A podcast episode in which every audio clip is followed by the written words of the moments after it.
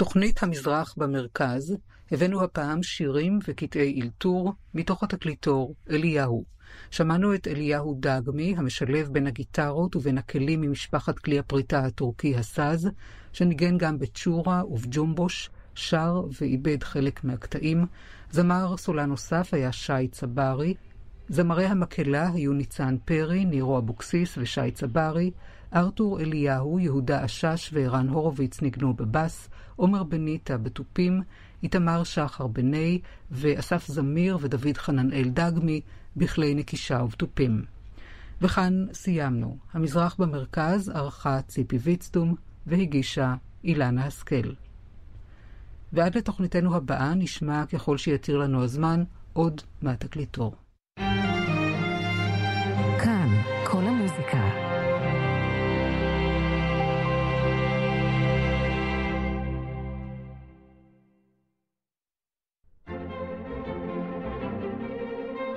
מגזין כאן כל המוזיקה. עורכת ומגישה יוליה צודיקס.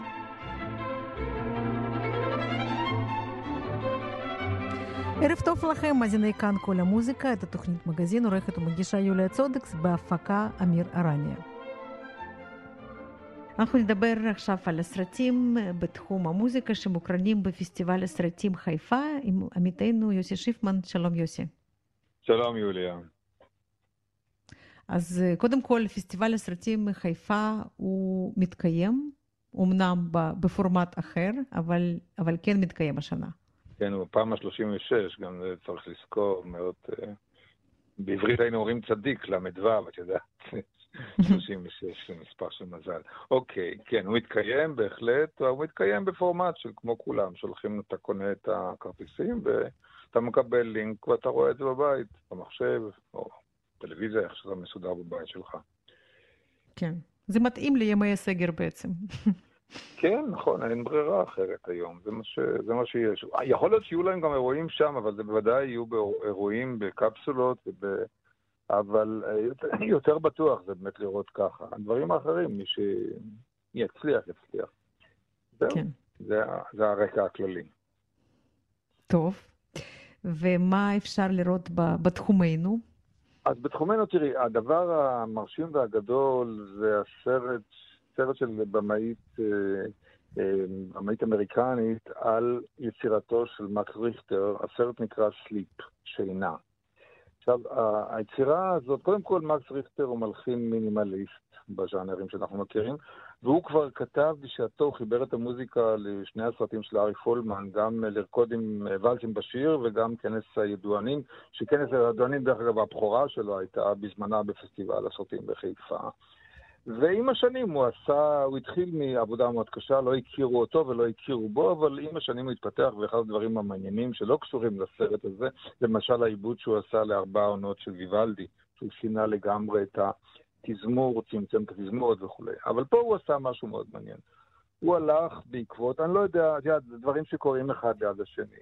לפני חמש שנים, פחות או יותר כמה שנים, עשתה... אה, מרינה אברמוביץ', יחד עם איגור לויץ', שדיברנו עליו פעם שעברה, עשתה ניסוי וניגנו mm-hmm. את הווריאציות גולדברג של באך במוזיאון והזמינו את האנשים לישון. למה? כי בזמנו באך כתב את זה, את היצירה, לרוזן שהתקשה לישון בזמנו וביקש כל פעם וריאציה אחרת. אלה וריאציות גולדברג. עכשיו, כשאת מסתכלת על היצירה... אלף לילה ולילה, ממש ככה, כן? לגמרי. את מסתכלת על היצירה סליפ. היצירה היא מוזיקה של שמונה וחצי שעות, רצף. היצירה היא יצירת ענק. היא מחולקת בדיוק ל-31 חלקים כמו היצירה של באך. עכשיו, היא עושה עוד אסוציאציה לסרט שעשה בזמנו אנדי וורהול, סרט שהוא צילם אדם במשך חמש שעות, אולי הוא עצמו מצולם, אני כבר לא זוכר, במשך חמש וחצי שעות, סרט שנקרא שינה, סרט בשחור לבן, וגם בסרט הזה, אם את רוצה ומסתכלת עליו טוב, יש בעצם וריאציות דרך המצלמה על האיש הזה שישן, פעם חותכים את זה ככה, כמו פוגה, נכנס פה קול ועוד קול, אבל הכל דרך המצלמה. אז גם יש לך את האסוציאציה הזאת. עכשיו, ומה הוא עשה? הסרט, היצירה הזאת היא כתובה לחמישה כלי קשת, זאת אומרת, שני כינורות ושתי ויולות וצ'לו, הוא עצמו מנגן בסינתסייזר ובפסנתר. עכשיו, הוא עשה אותה כמה פעמים, כי הבעיה זה לא היצירה עצמה, ביצירה שצריך כוח לנגן שמונה וחצי שעות, אז הוא עשה אותה בלונדון, הוא עשה אותה בניו יורק, הוא עשה את זה באולם הפילהרמוני של פריז, הוא עשה את זה בסידני, בבית האופרה, אבל לא בתוך האולם.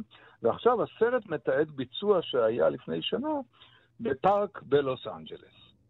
עכשיו, mm-hmm. הסרט מתעד גם את עצם העשייה, גם, גם קטעי רעיונות איתו, וגם את הקהל. אני שוחחתי עם הבמאית, אה, נטלי ג'ונס קוראים לה, בחורה צעירה, שוחחתי איתה שלשום, היא בלוס אנג'לס, ושאלתי אותה, איך את, בסרט, איך את בכלל התקרבת לאנשים, הרי לא כל אחד מוכן שיצלמו אותו לסרט, גם דוקומנטרי. אז היא אמרה משהו מאוד, מאוד פשוט, כל מיטה, שהמיטות דרך אגב חולקו אחר כך לצדקה, אבל כל מיטה שקיבל כל אחד מן המאזינים, המאות המאזינים, הייתה מסומנת במספר, ואנחנו שאלנו אותם אם יהיו מוכנים אה, להיות, להשתתף בסרט הזה. ומי שהיה מוכן, אז mm-hmm. תיעדנו אותו. אבל את רואה באמת את העניין הזה, כולל גם, גם נגנית הצ'לו בעצמה. היא נמצאת שם, את רואה אותה הולכת לנוח קצת, בזמן הזה יש מוזיקה אחרת. עכשיו, יש אותו, אותו מבנה של וריאציית גולדברג, אלא שבמקום שכל וריאציה תהיה של 2-3 דקות, אצל באך זה מסתכם באיזה 80 דקות, פה כל וריאציה יכולה להיות חצי שעה, 20 דקות. עכשיו, את בודקת את זה, את בודקת את המנעד, זאת אומרת, איזה גובה צליל בוחר, אה, בוחר ריכטר. אז כמובן שהוא הולך על צלילים מאוד נמוכים, ואין מה לדבר על אה, שמיניות או רבעים, לא, זה הכל שלמים, תווים שלמים, יחידות של ארבעה רבעים מלאים, רוב היצירה הזאת, ובשלב מסוים גם מצטרפת זמרת בווקליזה שמעלה אותה, בייחוד כמובן עם השחר. אם שהשמש העולה, גם הכל עולה.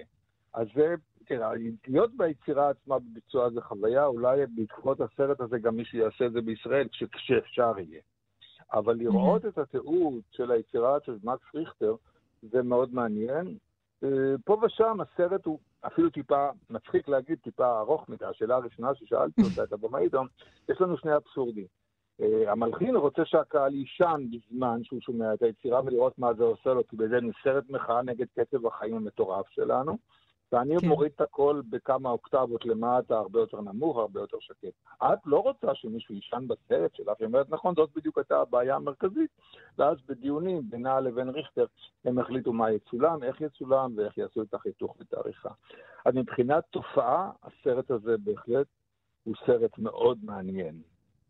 כן, עכשיו, נקרא מקס ריכטר Sleep, כן? זה השם שלו.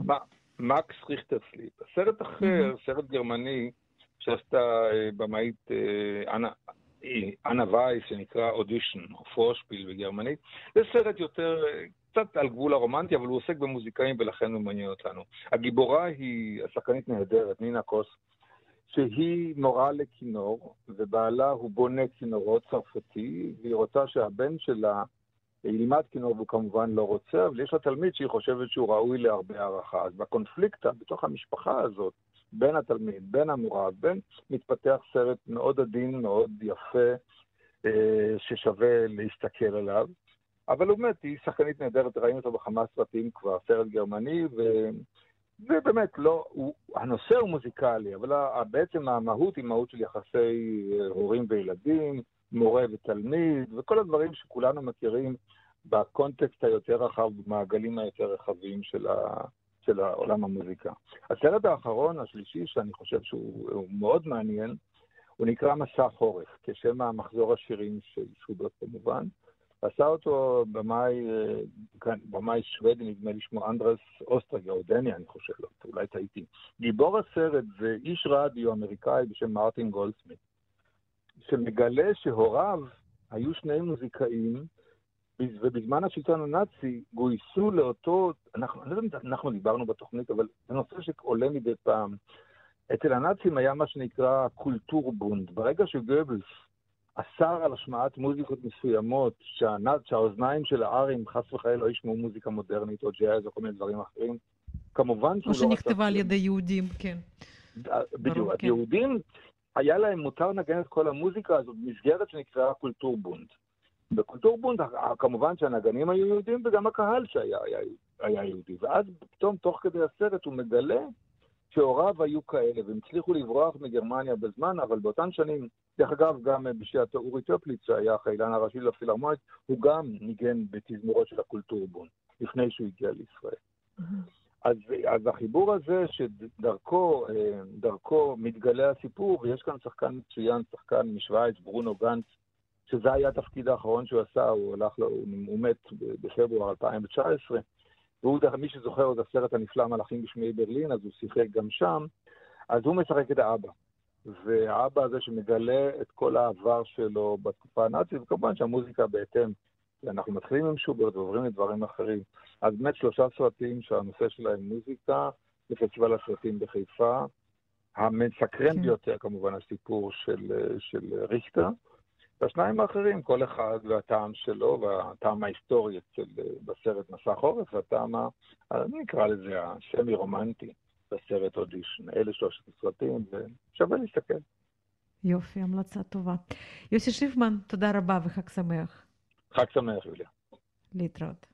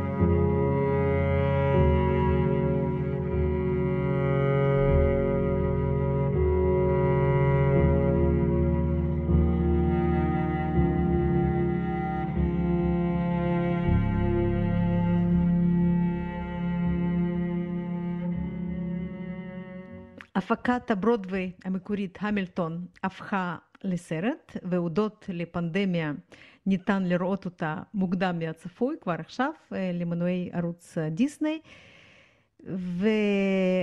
והמילטון זאת הצלחה גדולה של ברודווי, ועליה אנחנו מדברים עם ניר כהן שליט, מנצח ומוזיקולוג, שלום. שלום יוליה. אז צפית בהמילטון, כמו שאני מבינה, איך נכון. התרשמת?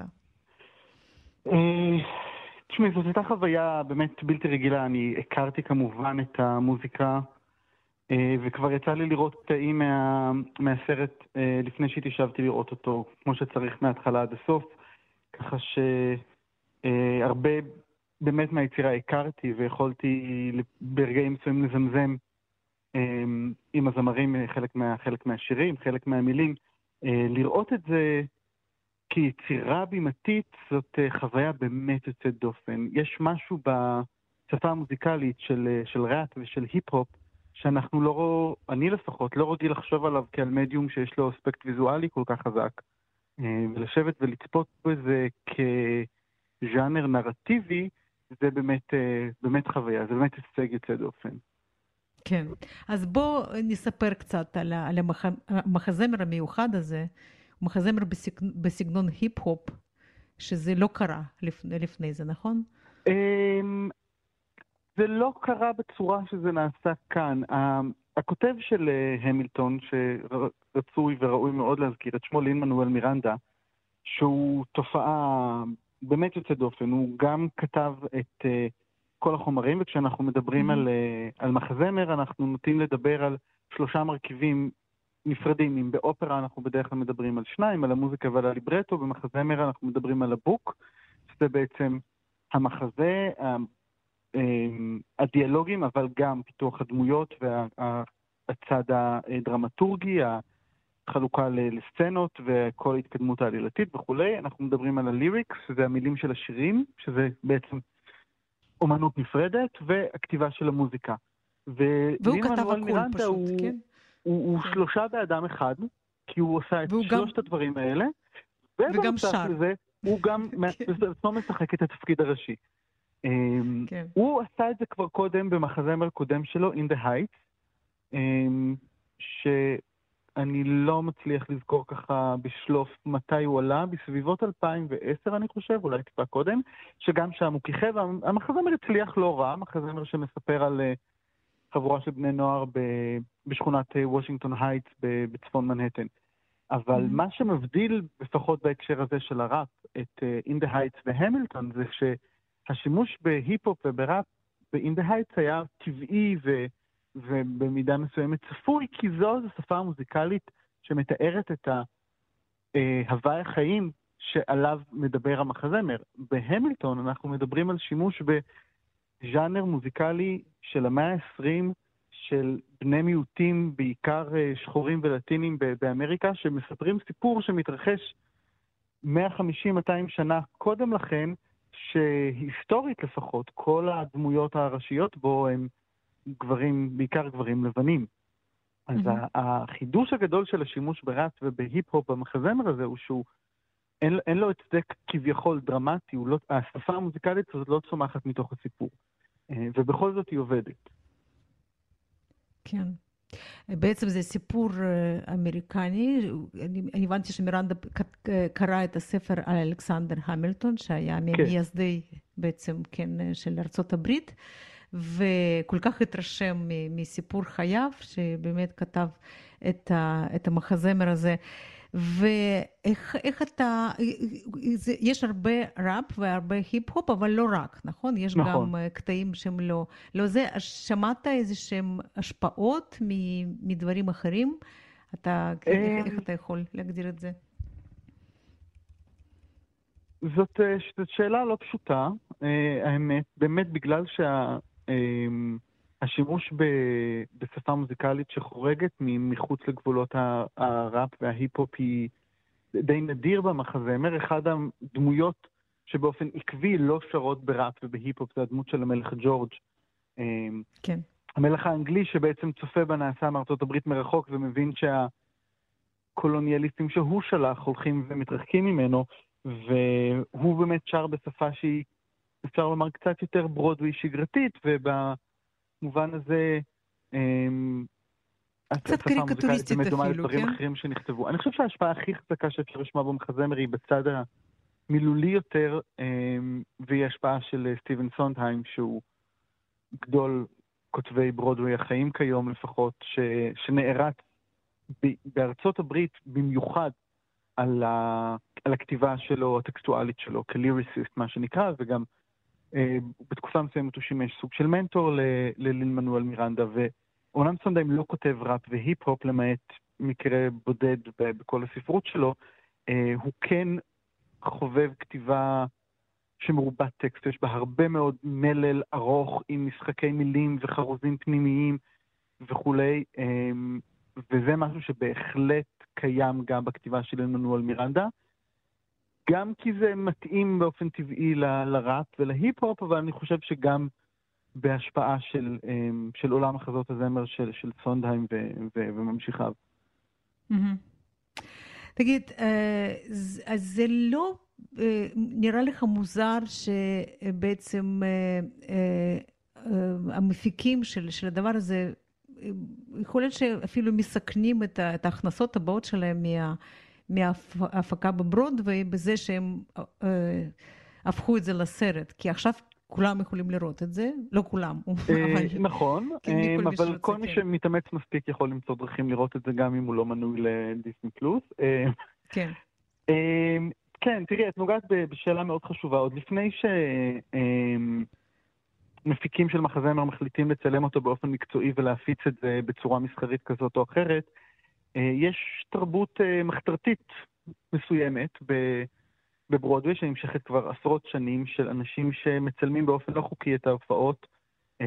ומפיצים אותם מאחד לשני, מה שנקרא בוטלגים. ומעטות ההפקות שעולות בברודווי של מחזות זמר ושל הצגות רגילות, וגם הרבה מההפקות שעולות בלונדון, שלא ניתן למצוא בצורה כזאת או אחרת בצילום בוטלג, אה, לפעמים רק אודיו, אבל לרוב בווידאו, ובהרבה מקרים יותר מגרסה אחת שמצולמת בברודווי או בטורים ברחבי ארה"ב. אה, זה משהו שמפיקים יודעים שהם במידה מסוימת צריכים להילחם בו, ולין מנואל מירנדה גם היה אחד מהקולות הבולטים נגד התופעה הזאת. אה, אני באופן אישי חושב שלצד הבעייתיות נוגעת לזכויות יוצרים שיש בה, אני חושב שהיא תופעה חיובית כי היא עוזרת לנו לתעד דברים שלא תמיד מתועדים באופן אחר. Uh, במקרה של המילטון, אני לא הייתי דואג למפיקים. זה מופע שהכרטיסים שלו נמכרים במחירים הגבוהים ביותר בהיסטוריה של ברודווי, נכון. בטח אם אנחנו לוקחים בחשבון uh, ספסרות, מה שנקרא, אנשים שקונים כרטיסים כדי למכור אותם mm-hmm. בעצמם ולא באמצעים המקובלים, כי מחירי הכרטיסים מגיעים ל- לעשור, על עשרות אלפי דולרים במקרים מסוימים.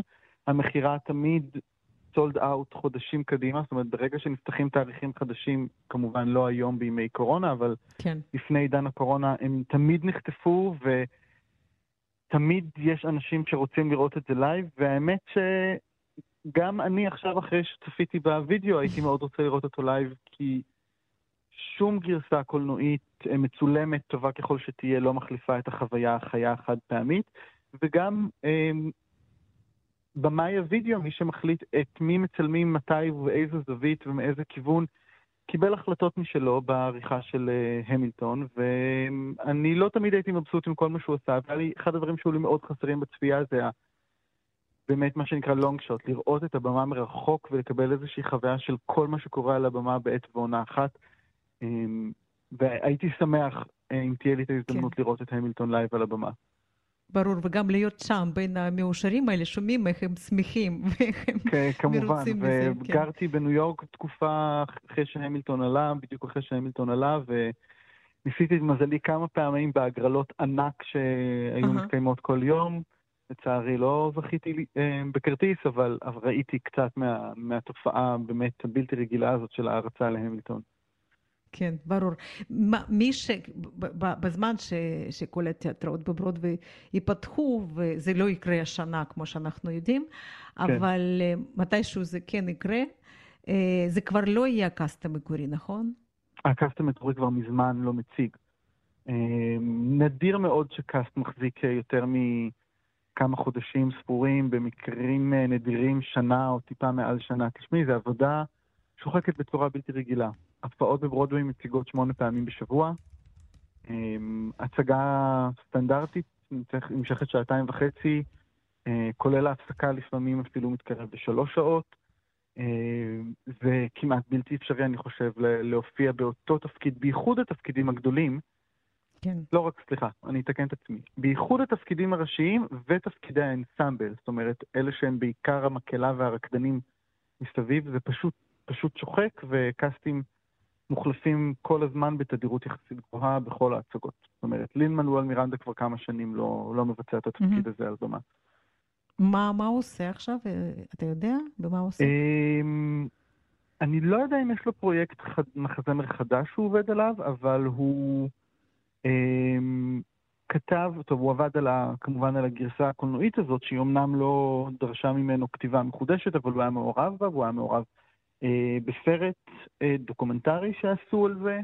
אה, הוא כתב חלק מהשירים אה, לסרט אה, מואנה, הוא כתב אה, שירים לגרסת live אה, אקשן שהולכת להיות אה, מצולמת, או שאולי צולמה כבר, של בת הים הקטנה, מחזמר שמבוסס על הסרט של דיסני. הוא כותב, הוא כותב הרבה. בטוח שיש עוד דברים שהוא עובד עליהם כרגע, ושכחתי, אה, In the Heights, המחזמר הקודם שלו, עובר עיבוד קולנועי בימים אלו, הוא עובד גם על זה. הוא איש כן. מאוד עסוק. הוא עסוק, הוא, כן, יש לו כישרון גדול והוא צעיר גם, אז יש לו הרבה, הרבה, כן. הרבה זמן לשמח אותנו. Uh, טוב, תודה. באמת, אני חושבת שזו המלצה נהדרת לימי הסגר, לראות בהחלט, uh, ב, בהחלט. כן, את, uh, את המחזמר הזה, המילטון. ותודה לך שדיברת איתנו, לך, ניר כהן, שליט, מנצח ומוזיקולוג. חג שמח להתראות. חג שמח. How does a bastard orphan, son of a whore and a Scotsman, dropped in the middle of a forgotten spot in the Caribbean by providence, impoverished and squalor. Grow up to be a hero and a scholar. The ten dollar founding father without a father got a lot farther by working a lot harder, by being a lot smarter, by being a self starter by 14. They placed him in charge of a trading charter. And every day while slaves were being slaughtered and carted away across the waves, he struggled and kept his guard up.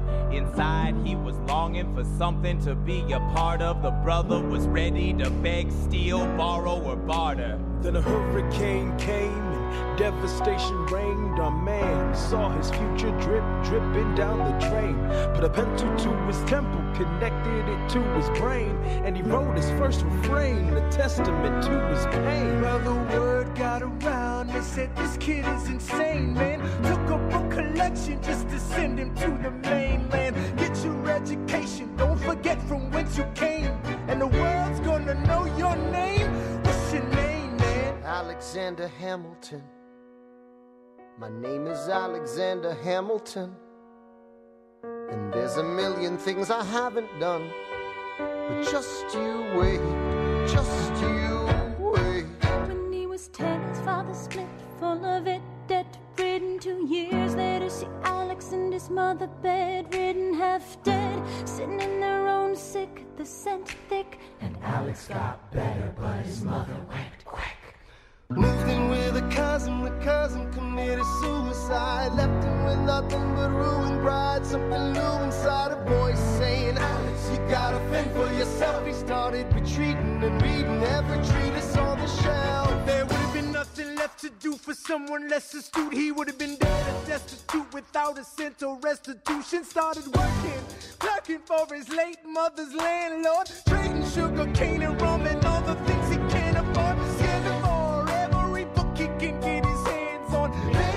the future,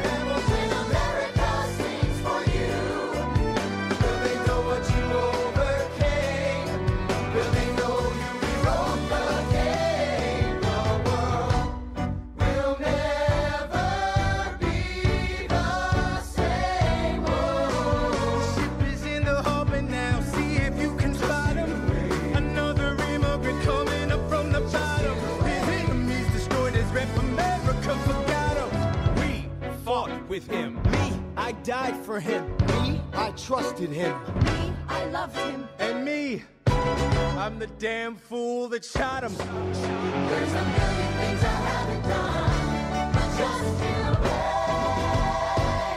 What's your name, man? Alexander Hamilton.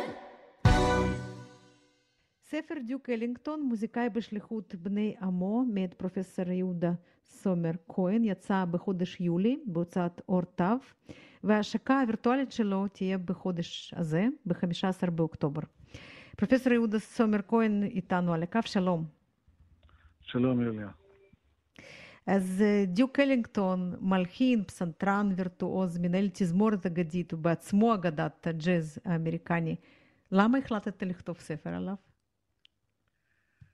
דיוק אלינגטון מעניין אותי כבר הרבה מאוד שנים. ראשית, למדתי את תורות העיבוד והקומפוזיציה שלו עוד בזמן הלימודים שלי בבוסטון, ב Berklee College of Music. וכשהגעתי ארצה והקמתי תזמורת ג'אז big band במתכונת שהייתה המתכונת של אלינגטון, עניין אותי מאוד לנגן את הקטעים שלו, כי אני חושב שהם מאוד ייחודיים בעולם הג'אז. לאחר מכן קיימתי מספר uh, סדנאות עם מרצים מהעולם, אחד המומחים הבינלאומיים uh, בכל הזמנים על המוזיקה שלו, שקראו לו הר פומרוי, הגיע לתזמורת שלי ושלוש פעמים ברציפות ולימד את טובי המוזיקאים בארץ, את הגישות העיבודיות שלו, וגם ניצח על התזמורת בקונצרטים מאוד יפים שנעשו במוזיאון תל אביב. אז אלינגטון זה סוג של משהו שמרתק אותי ומעניין אותי כבר הרבה מאוד שנים, ולכן גם החלטתי לעשות את ה-PhD על, ה... על, על המלחין עצמו. אבל uh, תוך כדי העמקה של הדברים, כי אני בעצם התעסקתי עם הצד הביצועי שלו, עם לנגן את הקטעים שלו עם תזמורת ביג בן. חקרתי את התרומה שלו למעמד השחורים בארצות הברית, והתברר לי שהוא תרם תרומה משמעותית לשינוי הדמות או ההתייחסות של הלבנים אל השחורים בארצות הברית בעקבות הכתיבה המאוד מיוחדת שלו וההערכה יוצאת הדופן. אז גם בהיבט המוזיקלי הוא עניין אותי מאוד, וגם בהיבט הסוציולוגי, ההיבט החברתי והתרומה שלו, זה דבר שלא תמיד נמצאים אצל אותו אדם. במקרה שלו זה היה גם זה וגם זה, ולכן התמקדתי בו. אין הרבה ספרים שנכתבו בנושא הג'אז בעברית, נכון? לא, לא, לא כל כך אה, הם, כותבים אה, ספרי ג'אז בעברית, יש מספר, אבל בטח לא על אלינגטון, שהוא דמות אה, אה, מאוד מוערכת בעולם, וקיימים מחקרי מחקר, אה, מכוני מחקר, שחוקרים עדיין את המוזיקה שלו ועדיין יוצאים ספרים על הגישות הקומפוזיטוריות, העיבודיות שלו, אבל בארץ זה באמת לא קיים. ואתה חושב שזה מעניין את הישראלים? אנחנו בכלל, אנחנו אוהבים ג'אז? אנחנו עם שמתעניין בדברים האלה? אני חושב שכן. תראי, אני, אני מנצח כבר 35 שנה על תזמורת ג'אז. לא חשבתי שזה מה שאני אעשה, חשבתי שאני אהיה מנצח של תזמורות סימפוניות, אבל כשהגעתי uh-huh. מארצות הברית הקמתי את הד ביג בנד. שהתבססה רובה ככולה על עולים חדשים שהגיעו מרוסיה, שמאוד מאוד עניין אותם הנושא של הג'אז, והם היו נגנים מקצוענים. הופעתי איתם במשך 30 שנה, גם בארץ וגם בחוץ לארץ, ולשמחתי הגדולה, התברר לי שיש לזה קהל, יש לזה קהל במיוחד לקטעים התזמורתיים הגדולים. יש לזה קהל שהוא צמא לזה. אני משתתף כל שנה, בשנים האחרונות כצופה, אבל בשנים שלפני גם באופן פעיל, בפסטיבל הג'אז באילת, ואני רואה שיש נוער יוצא מן הכלל, שעולם הג'אז הוא עולם שמעניין אותו מאוד, זה נכון שעולם הג'אז דורש האזנה קצת יותר מדויקת, קצת יותר מכוונת.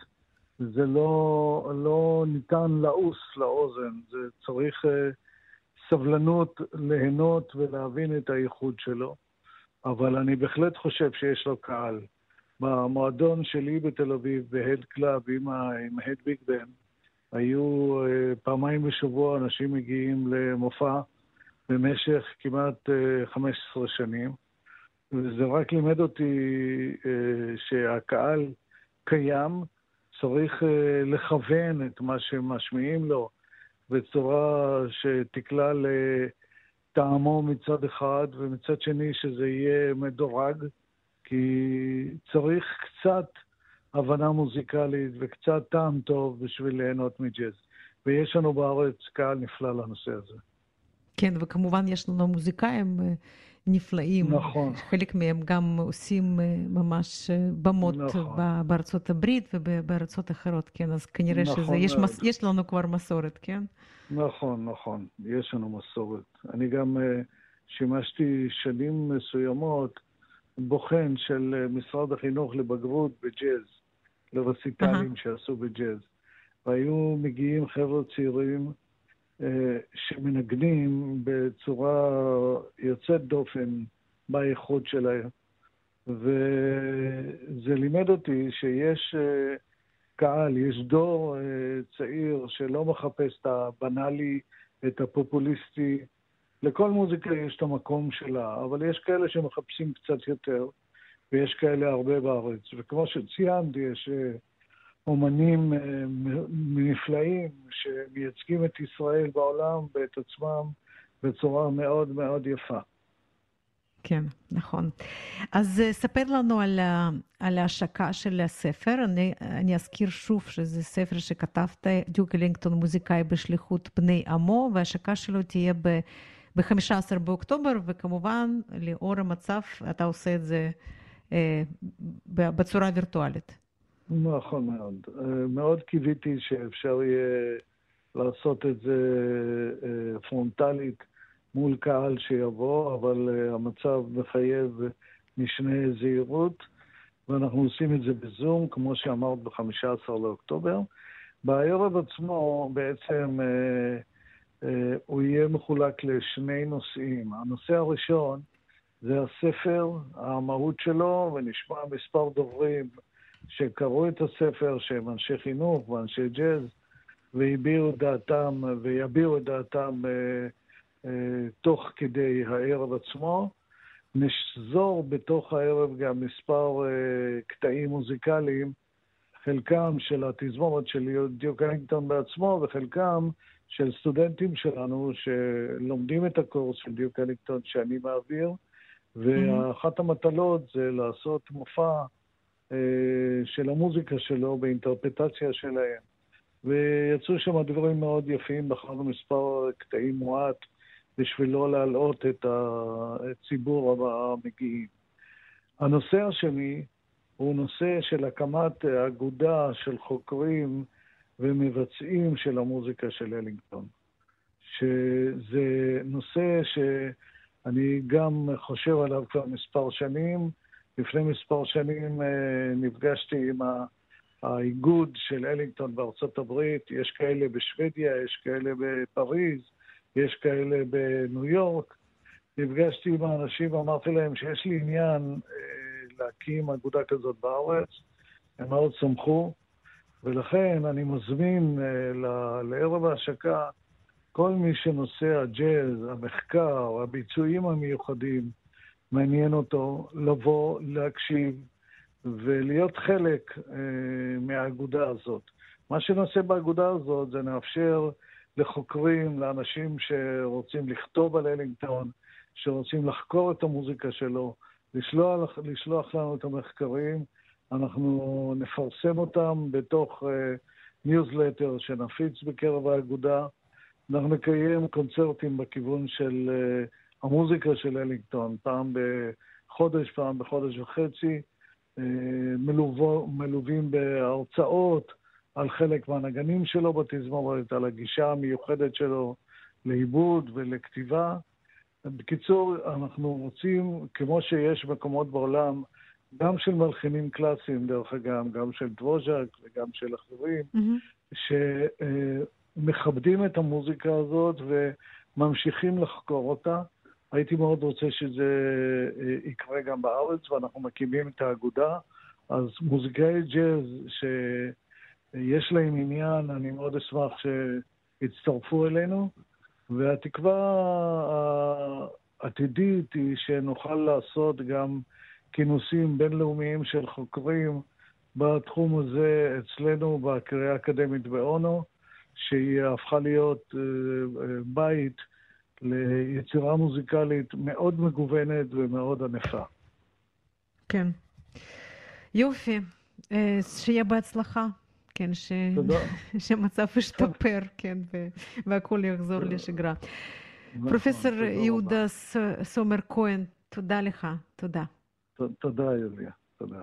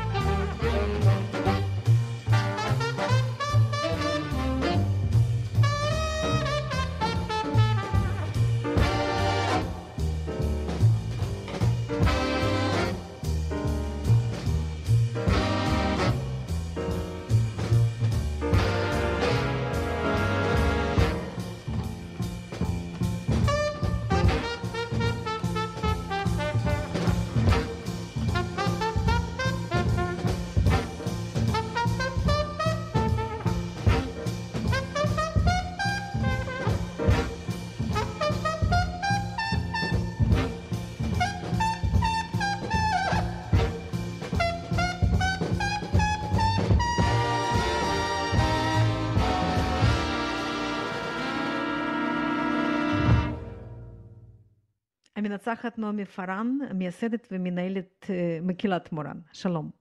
שלום וברכה ובשמחה. ואנחנו כבר דיברנו על החלום שהולך להתגשם בעזרת השם, אז תספרי.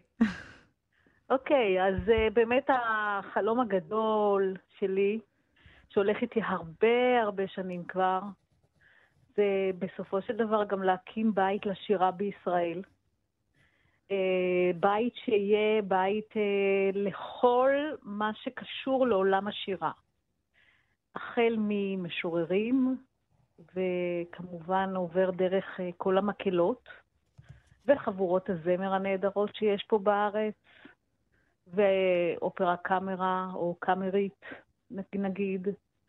אה, מחזות זמר, כל מה ששר, אני רוצה שיהיה בתוך הבית. אז זה, לא הבית רק של מקהלת מורן, להפך, זה הבית הארצי שלנו בארץ, לכל הגופים השרים, כולל תזמורות, כמובן, שמצטרפות לעניין. זאת אומרת, לא הפוך, המקהלה מצטרפת לתזמורת, אלא התזמורת מצטרפת למקהלה. התשתית היא אולם קונצרטים, שבערך אה, 550 איש ישבו בו, שהמבנה שלו, האקוסטיקה שלו בנויה לעולם השירה יותר, מבחינת התדרים, את יודעת, מבחינת האקוסטי, האקוסטית. אה, הוא כבר מתוכנן, הכל מתוכנן, אנחנו למעשה אמורים לעלות אה, על הקרקע בעוד אה, שבועיים, מיד אחרי החגים. אה, עכשיו האולם, אמרנו 550 מקומות, הצורה שלו היא לא מלבן או ריבוע, אלא יותר בתחושה, זה לא עגול גם, אבל זו תחושה של עוטף במה מכל הכיוונים. אה, במה לא גבוהה בכוונה, אה, אינטימית יותר עם הקהל. אה, גם הקהל יושב בצורה של קפסולות, זה איזשהו מבנה שחושב על... אה, באמת, אני אומרת, בקבוצות קבוצות, אפילו חשבתי שלכל קבוצה כזאת יש שם כמו סינקופ, את יודעת, כל מיני שמות מוזיקליים כאלה. שאנשים יזמינו מקום, אני רוצה ב... בפורטה סתם, בקרשנדו, סתם אני אומרת עכשיו. כן. אה, הבית הזה, האולם הזה, הוא יהיה באמת אולם קונצרטים פעיל מאוד אה, מהבוקר יכול להיות ועד הערב, כי בבוקר יכול לשרת אה, כל ההרצאות למיניהן ומשוררים שבאים אה, להביא את העולם שלהם לתוך הבית הזה. אה, בתי ספר, אנחנו נמצאים בסמוך לתיכון האזורי עמק חפר, ממש נושקים בגינה, אותה גינה יש לנו. אה, אנחנו גם סמוכים למרכז האקדמי רופין, אז אה, להם יש כמובן אה, חשיבה גם סוציאלית חברתית, כמו שלנו. אז גם הם יכניסו את הנושאים שלהם לתוך הבית הזה. אז בבוקר תהיה פעילות יותר אקדמית אולי נקרא לזה, ובאחר. הצהריים וערב זה כמובן יהיה מקהלות, מקהלות, מקהלות וקונצרטים ושירה. עכשיו, בתוך ה... תחת הגג הזה, יש אולם קונצרטים ויש עוד אולמות, אולם קאמרי, אה, שמונה בערך אה, 150 עד 200 איש יושבים, אה, לקונצרטים קטנים יותר. אה, זה יכול להיות אפילו סוג של זאפה, אבל זאפה יותר קלאסית. אה, עוד אה, אולמות קטנים יותר מפוצלים לחזרות מקהלה. אה, גם אולם מפוצל שאפשר לפצל ולהרחיב. זאת אומרת, אנחנו בסך הכל נהיה חמישה מתחמים בתוך, מתחת הגג. אמ, הגב של הבמה יהיה זכוכית, שאתה, למעשה הקהל יראה לא, חבל לא כמו במורמונים, כן? אבל יראה, יראה טבע. כי אנחנו אוקיי. יושבים על שדות בעמק חפר, כן. בעמק חפר, מהמם. זה נורא יפה. זה ממש שדה גדול מאחור. אז זה מה שהקהל יראה. אמ, בחוץ זה יהיה גן ווקאלי. אנחנו יושבים על עשרה דונם, אוקיי? אז uh, הבנייה היא אלפיים ומשהו, קרוב לשלושת אלפים מטר מרובע, וכל השאר מיועד לגן. כשבגן הווקאלי למעשה יש גינון, גם זה כבר הכל מתוכנן, גינון אה, של ספירלות, כמו קצת מזכיר את מה שיש אה, לפני היכל התרבות, רק שם זה מלבן גדול כזה שיושבים, את יודעת, ויש באמצע גינה. אז. כן. אנחנו נושיב את האנשים בספירלות קטנות יותר, והם יוכלו לשמוע בשבת, אה, למשל בשבתות, קונצרטים של סולנים, של זמרים סולנים, של דואטים, של אה, נבל וזמר, או כזה. ובקצה של הגן יש ממש מרחב גדול לעשות בו או מדיטציות, או שרים לשקיעה, או, מהמם. כולולה, או כולולם קטן. ק- אני קוראת לזה קלי קולות. בקיצור, אזור מאוד פעיל, מאוד פעיל מבחינה ווקאלית. כן, כמה ו- זמן לקח, כן, לח- לחשוב על כל הדברים האלה? עכשיו מתחילים לבנות, אני מבינה, זה כבר כן, כן, ממש מתחילים מוכן, לבנות. כן. הכל מוכן. כן. יש מהמם. חברה הנדסית, יש, חברה, יש קבלנים, יש הכל מוכן. כן. כמה זמן לקח? תראי, החלום התחיל אה, לפני 15 שנה. ואז אה, הגעתי באיזשהו אופן לקרן אריסון, ונדלקו על הרעיון שם, לשמחתי. ואז אה, מיד אחרי, אה, אחרי שיצרתי את הרעיון, כתבתי אותו, העליתי אותו כמובן לאיזושהי תוכנית מינימליסטית ראשונית. מהמם. הראיתי רצינות מאוד גדולה בחזון וברעיון, למעשה הובטחה תרומה של הקרן. ועם זה לקח המון שנים, המון שנים למצוא את הקרקע הראויה. אה, הקטע של הקרקעות הוא אולי הדבר הכי קשה באזור, כמה שזה נראה אבסורדי. אבל זו הייתה הבעיה שלנו. הבעיה שלנו הייתה למצוא את הקרקע. כביכול תרומה הייתה, חלקית לפחות, וקרקע לא, לא מצאנו, וסוף סוף הגענו לקרקע ראויה. וכל התהליכים הבירוקרטיים, המועצה התחלפה, כל זה לוקח המון זמן, המון זמן, וצריך המון סבלנות ואורך רוח. וסובלנות בעיקר. חוץ מהבירוקרטיה, המדינה עשתה משהו? לא, כרגע עוד לא. אני מקווה שאולי בעתיד כן. את יודעת, אני מקווה שלפחות לפעילות הענפה שתהיה שם, זה אולי המדינה כן תתרום משהו. אה, משרד החינוך, משרד התרבות, בואי נראה, אנחנו במצב כל כך אה, ערטילאי, אבל מה שאני רוצה להגיד לך, כן. אני, אה, אין מאושרת ממני כרגע, באמת, אני אומרת לך, שומעים את זה, את יודעת, נעמי, כן, ממש שומעים. אני מוכרחה. להגיד, להגיד את זה. אני יודעת שאין לנו אור בקצה המ- המנהרה כרגע בארץ. אנחנו מרגישים תחושה כל כך כבדה כרגע, וכל כך מועקה על מה שקורה מסביב, עם המחלה, ועם, זאת אומרת, עם הווירוס, ועם הסיטואציה הפוליטית שאנחנו נמצאים בה. אבל כשיש אופק קטן, את יודעת, זה אופק קטן. יש אופק, אני כל כך מאושרת על זה. אני יודעת שאנחנו הולכים להיכנס עכשיו לשנתיים של הרפתקה, אנחנו צריכים לגייס עוד כסף. אין לנו את כל הסכום, כי הדולר ירד במהלך השנים. ואנחנו נגייס עוד כסף. כי יש כאן אופק, יש פה משהו, יש כאן אמירה, וגם זה ישפיע על הארץ, אני חושבת, באיזשהו אופן. אה, על זה שהמוזיקה הווקאלית לא... יש לה בית. כן. את יודעת, אנחנו מחפשים כל פעם את האולמות, הכנסיות, להופיע בהם. את יודעת כמה זה קשה בארץ. ואני חושבת שזה המקום שיענה לכל ה... אה, עולמות השירה, עולמות השירה ממש. היותר קאמרים, כמובן, אנחנו לא מדברים על בית אופרה. אנחנו מדברים על בית לשירה. כן, זה נשמע ממש מגניב.